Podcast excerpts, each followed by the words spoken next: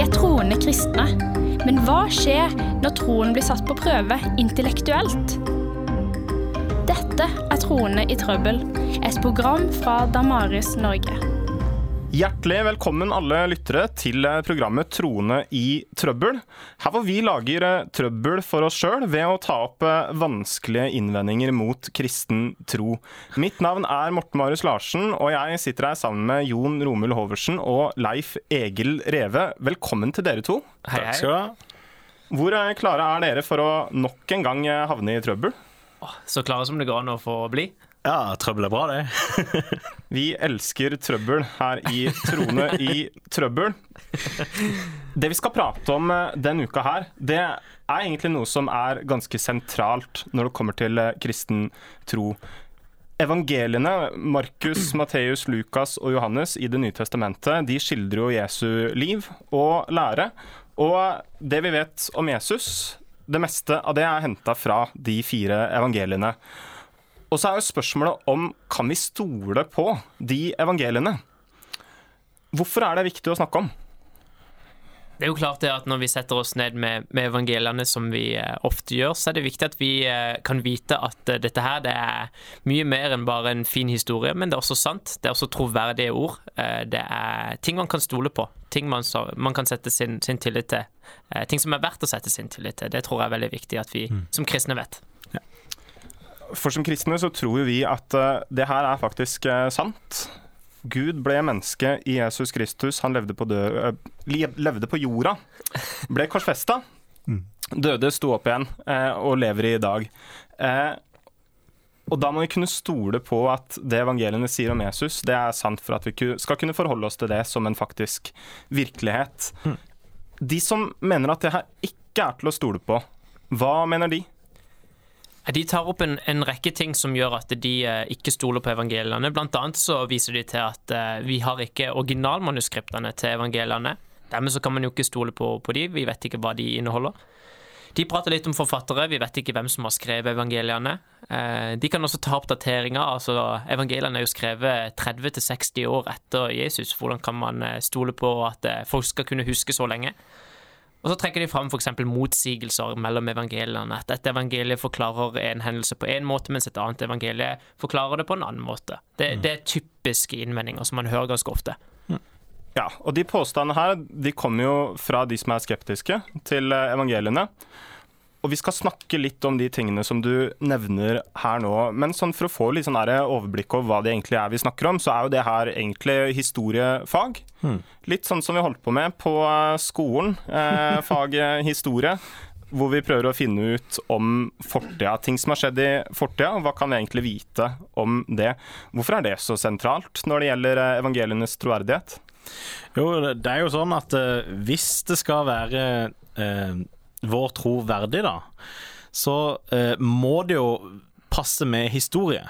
Det hadde vært veldig rart om, om vi gikk rundt og sa at eh, ja, evangeliene det er helt sant, men, men de beskriver egentlig situasjonen 3000 år før det det eh, gir seg ut for å være, f.eks. Eller om det beskriver en fantasiverden med enhjørninger. Eh, eller om det beskriver en tid eh, som vi reflekterer kanskje 500 år seinere, når det egentlig ble skrevet, eller noe i den duren. Altså, hadde vi hatt sånne ting, så hadde det vært veldig viktig å vite, og det kan vi finne ut gjennom historiefaget. Det på en måte er vanskelig å påstå at evangeliene er sanne, samtidig som at man sier at man ikke har noen gode grunner for å tro at de er sanne. da. Ja, stemmer. Og så er det litt sånn her at eh, Når vi snakker om eh, historie, ting som skjedde i fortida, så er vi jo avhengig av at eh, noen har dokumentert det som skjedde på en eller annen måte, eller at noen var der, så det, kunne beskrive, skildre. For eksempel da, så, så gjelder jo det like mye veldig mye annen historie. Type sånn eh, en historisk figur som heter Napoleon. Hvis jeg slenger ut en påstand at Napoleon eh, han spiste en hest til frokost eh, hver eneste dag, så, så må jeg på en måte kunne legge fram et eller annet bevismateriale for det. Peke på, henvise til noen som var der, noen som så det, noen som kjente til matvanene hans, spisevanene hans, som har skrevet det ned. Og så må vi kunne stole på at det som ble skrevet ned da, det kan vi stole på at faktisk var det noen som var der og så det. Eh, Og sånn er det litt med Jesu liv også. Og da har vi jo evangeliene, de fire evangeliene som vi har nevnt, som er de beste kildene vi har til Jesus. Um, Vi skal gå litt gjennom de innvendingene som du, Jon, lista opp i starten. Du begynte med å nevne at eh, vi har ikke originalmanuskriptene til evangeliene. Eh, det vi derimot har, da, det er over 5000 kopier av originalmanuskriptene. Altså med andre ord, det faktiske arket, eller den faktiske papyrusen som eh, Matteus, Lukas, Markus og Johannes skrev ned på, det har gått tapt. Men vi har kopier og kopier av kopier og kopier, mm. eh, og osv. Og en som bruker det her som en innvending da, mot evangeliens troverdighet, det er tekstkritikeren Bart Ehrmann. Han slenger ut det her, da. Eh, at eh, det er over dobbelt så mange forskjeller mellom disse kopiene som det er ord i Nytestamentet. Altså at når man har oversatt fra en kopi til en annen, så har man enten gjort feil, uh, uten å mene det, eller lagt inn feil med vilje. Mm. Eller lagt inn forbedringer med vilje. Og det gjør at av alle de kopiene vi har, så er det veldig mange forskjeller. Over dobbelt så mange som det er ord i Det nye testamentet, mm. sier han. Mm. Men dere syns ikke det her er et stort uh, problem. Hvorfor ikke? Nei, Vi syns egentlig ikke dette her er et uh, reelt problem. Um, grunnen til dette er at uh, du, du, nevner disse 5000 um, kopiene. Og det er sant det at vi har over 5000 greske kopier. Tar du med kopier på andre språk også, f.eks. koptisk og asyrisk osv., så, videre, så har vi over 24 000 kopier til evangeliene. Noe som egentlig er veldig veldig bra sammenlignet med en del andre historiske dokumenter fra, fra antikken. Eh, grunnen til at vi ikke ser på dette her som et problem, det er enkelt og greit måten det ble gjort på. Eh, måten det ble gjort på, det, det er litt sånn som der, For å bruke en analogi, da. Se for deg at du finner en eh, Eh, en kakeoppskrift som du syns er fantastisk, til en sjokoladekake, ikke sant? Mm. Eh, og du syns den er såpass fantastisk at du sender den til ti av dine venner. De skriver den ned, og så eh, syns de den også er skikkelig god, så de sender den videre til 100 av sine venner som også syns den er helt nydelig, som sender den videre til 50 av sine venner. Og så Sånn går det, sånn utvikler det seg, sånn ekspanderer det seg, helt til vi har 24 000 sjokoladekakeoppskrifter. Mm. Alle vil jo ha en god oppskrift. Alle vil ha en god sjokoladekakeoppskrift. Om du har en, så kan du sende den inn til eh, Radio 316 her. Eller bare send kake. Eller send kake. uh, og om du da mister din versjon av denne kakeoppskrifta, så vil du komme fram til den samme kaka basert på de andre kopiene som du har sendt rundt. Eh, det kan hende at noen skriver eh, 1000 gram sukker istedenfor 1 kilo sukker. Det kan hende at det finnes noen sånne forskjeller mellom hverandre, men du vil komme fram til den samme kaka selv om du mister originalmanuskriptet. Og Vi har ikke originalmanuskriptene på evangeliene, det er helt sant, men det har vi faktisk ikke på noen andre dokumenter fra antikken heller det er skrevet på papyrus. Papyrus er lett utsatt for mugg og for andre skader osv. osv. Men det er faktisk ikke noe problem. Faktisk så er det sånn at eh, eksperter, tekstkritikere i dag, som jobber på den måten da, med å, å sammenligne kopier for å finne originalene, de er enige om faktisk 99,5 eh, av Det nye testamentet. Av de 138 000 ordene skrevet på gresk eh, i Det nye testamentet, så er de i tvil om 1400 av de cirka. Og dette er ikke liksom store forskjeller, dette er små forskjeller. For eksempel eh, i første Johannesbrev så står det at uh, dette er skrevet for at vi kan ha uh, vår glede Nei, for at dere kan ha deres full, uh, glede fullkommen i mm. ham. Mens noen manuskripter sier at dette er skrevet for, vi, for at vi kan ha vår, vår glede fullkommen i han. Eh, så dette er liksom ikke avgjørende kritiske punkt av bibeltekstene. Dette er veldig veldig små forskjeller som egentlig ikke har så veldig veldig mye forandringskraft i seg. Så i det store og det hele så kan man si at eh, alle de kopiene vi har, det gir egentlig et unikt utgangspunkt for å faktisk komme fram til det at eh, her er det troverdig. Og de forskjellene som er, de er ikke så store når det kommer til stykket. Og vi vet egentlig veldig godt om hvor de kan du si store forskjellene er. I enhver norsk bibel i dag så står det en liten stjerne ved et vers som man er usikker på, og så kan man se ned i fotnotene. Og det er jo fullt opplyst. Det er ikke noe sånn breaking news at mm. uh, man ikke kjenner til det. Det har man kjent til lenge. Mm.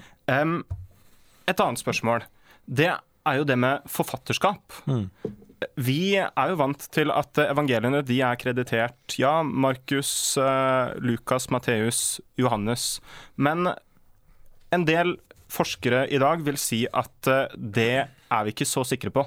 Det er ikke sikkert at vi i det hele tatt vet hvem som har skrevet evangeliene. Hva tenker dere om det? Altså, i utgangspunktet så um, er, det, er det for det første sant. Eh, det er ikke så, vi har som sagt ikke originalmanuskriptene, og, og det, vi vet ikke om det sto noe navn på dem. Eh, det vi vet, er at eh, alle som noen gang har referert til disse evangeliene, har, og, og brukt navn, har brukt de navnene vi kjenner til. Ja. Så det er ingen god grunn til å i utgangspunktet tvile på dette. Så gjennom historien så, så er det mange i ettertid av evangeliene som har skrevet en tekst hvor de sier at ja, nå leste jeg akkurat i Markus Ja. evangelium.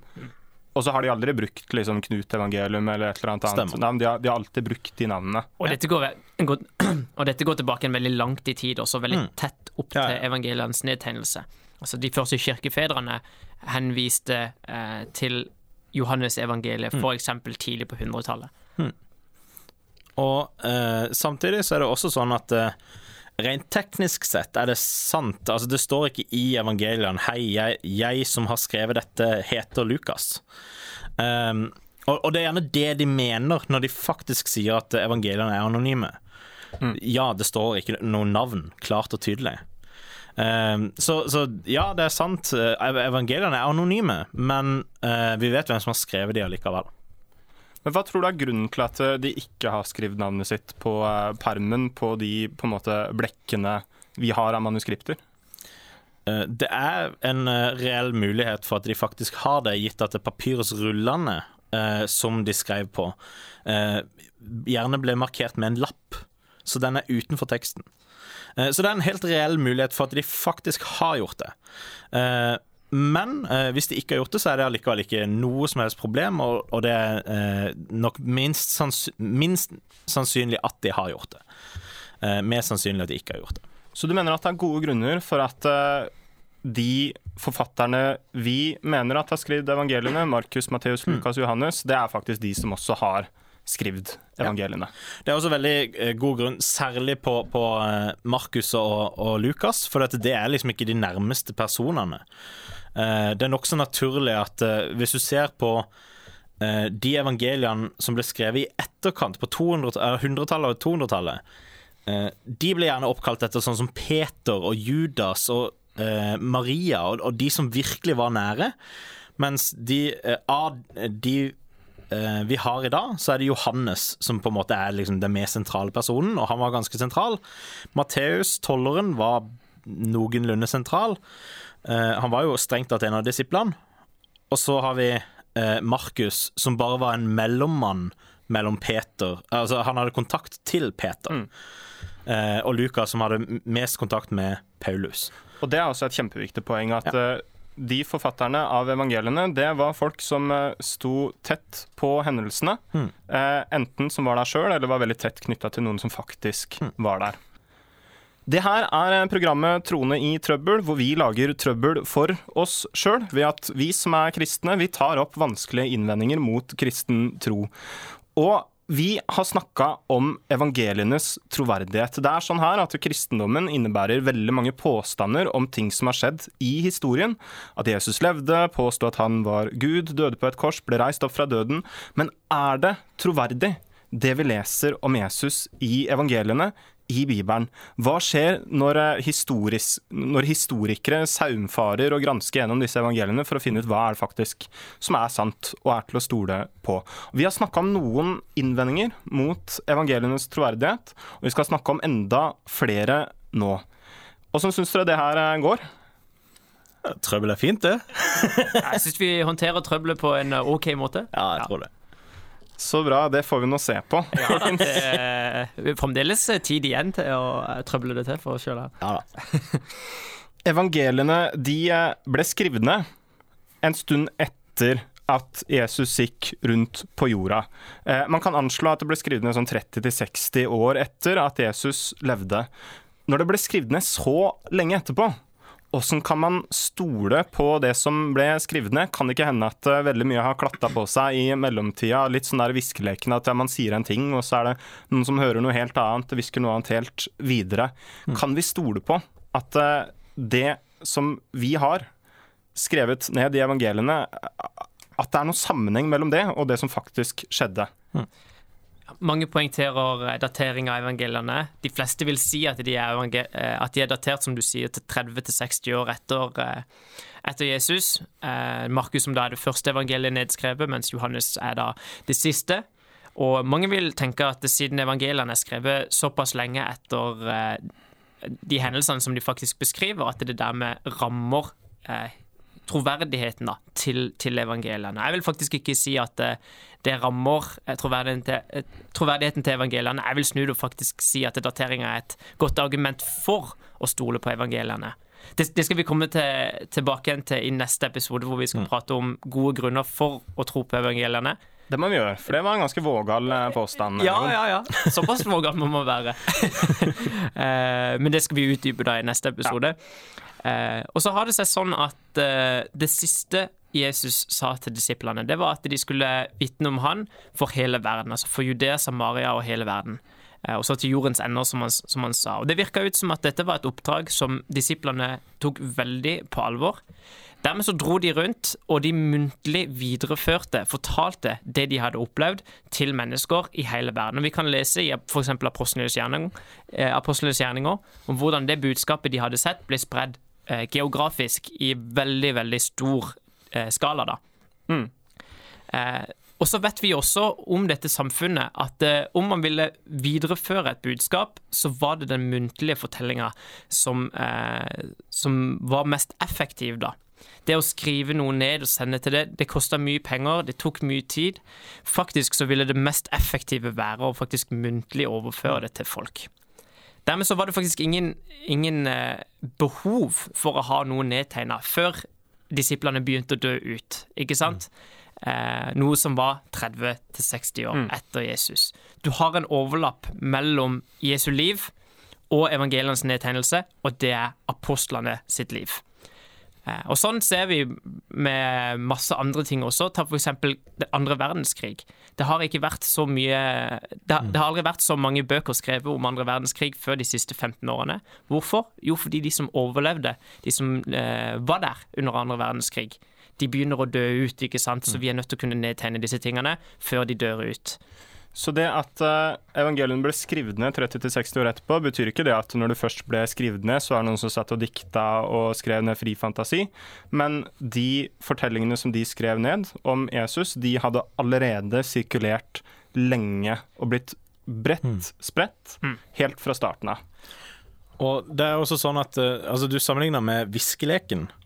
Eh, og det er det en del som gjør. Eh, men, men det er så feil som det går an å få det, omtrent. Eh, for, at, for det første så, er hele poenget med viskeleken Det er å høre eh, Altså at når noen sitter på en linje, så hvisker de fra den ene. For det første så velger de gjerne bare et ord eller en setning. Eh, så er hele poenget at det, det, de skal få det feil. Så hvis du gjør eksperimentet eh, i et klasserom, eh, så er dette kjempegøy eh, noen ganger. Og så, eh, hvis du begynner å finne ut liksom, hvor er det det går feil, så viser det seg at oi, det er visst et par-tre stykk som gjør det nytt hver gang. Alltid noen som skal legge inn noen sånne stygge, vulgære ord og type sånn banning og sånn, som vi i Trone i trøbbel ikke er noe fan av i det hele tatt. Så vi tar avstand fra viskelek på den måten, hvor man med vilje saboterer. Men fortsett, eh, Leif Høgen. og, og det er også sånn at eh, hvis læreren sier ja, men dere må få det rett én gang eh, før dere får fri, friminutt, så får de det rett på første forsøk. Eh, og eh, i, altså ikke bare det eh, ligger det i selve leken at det skal bli galt, men, men det er også helt annerledes fra når eh, en historie blir gjenfortalt i et plenum. Eh, ikke bare hvisker de, men, men de proklamerer, så alle hører det. Eh, og meninga er at de andre skal høre det, og at de skal kunne gjenfortelle det. De sier det gang på gang, og det samme på nytt og på nytt. Eh, og de blir arrestert når de sier nye ting. Eh, så, så det er et helt annet eh, miljø, og det går ikke an å sammenligne. Altså, jeg vil jo si, i likhet med Fegel, at viskeleken er en dårlig analogi for hvordan evangeliehistoriene har spredd seg. En mye bedre analogi vil være karate. Det er ingen som Wow. Det er ingen som sier at man ikke kan stole på karate bare fordi at eh, de forskjellige triksene har, har gått gjennom på en måte slekter og eh, generasjoner. Eh, nei da, men det er pga. at vi vet at karate det innebærer disiplin ikke sant, i videreformidlinga. Det samme det gjaldt på evangeliene sin tid, at det var disiplin over hvordan de tingene ble spredd med hverandre. Eh, I tillegg så ble det eh, skrevet ned på en tid hvor folk som levde samtidig med Jesus, også levde. Det vil si at om evangeliene bare var blank løgn, så ville det jo ha, ha kommet reaksjoner på det. Reaksjoner som vi ikke ser på, eh, som, vi ikke, eh, som vi ikke finner, da. Eh, så så eh, for min del, når det gjelder dateringer, så virker det ut som at det ikke er en god grunn for å liksom forkaste evangelienes troverdighet. Utrolig mye bra som vi har snakka om her, utrolig mye bra som vi kunne ha snakka om videre når det gjelder evangelienes troverdighet, når det gjelder eh, ulike innvendinger mot evangelienes troverdighet. Eh, og en gladmelding til alle våre lyttere, det er at det her skal vi fortsette med da, neste program. Så har vi nå snakka litt om innvendinger mot evangeliens troverdighet. Neste gang så skal vi prøve å legge frem en case for hvorfor vi mener at eh, evangeliene det er faktisk god, veldig god historie. Jeg gleder meg skikkelig til den episoden. Jeg tror det blir sykt gøy. Ja, det blir bra. Ja. Ja, det tror du. Men eh, vi får se neste gang vi frivillig havner i trøbbel. Dette var altså programmet Trone i trøbbel. Jeg heter Morten Marius Larsen. Det her, Du hørte jo Leif Egil Reve, Jon Romul Hoversen. Og dette er et program som er levert av Damaris Norge. Tusen takk for oss.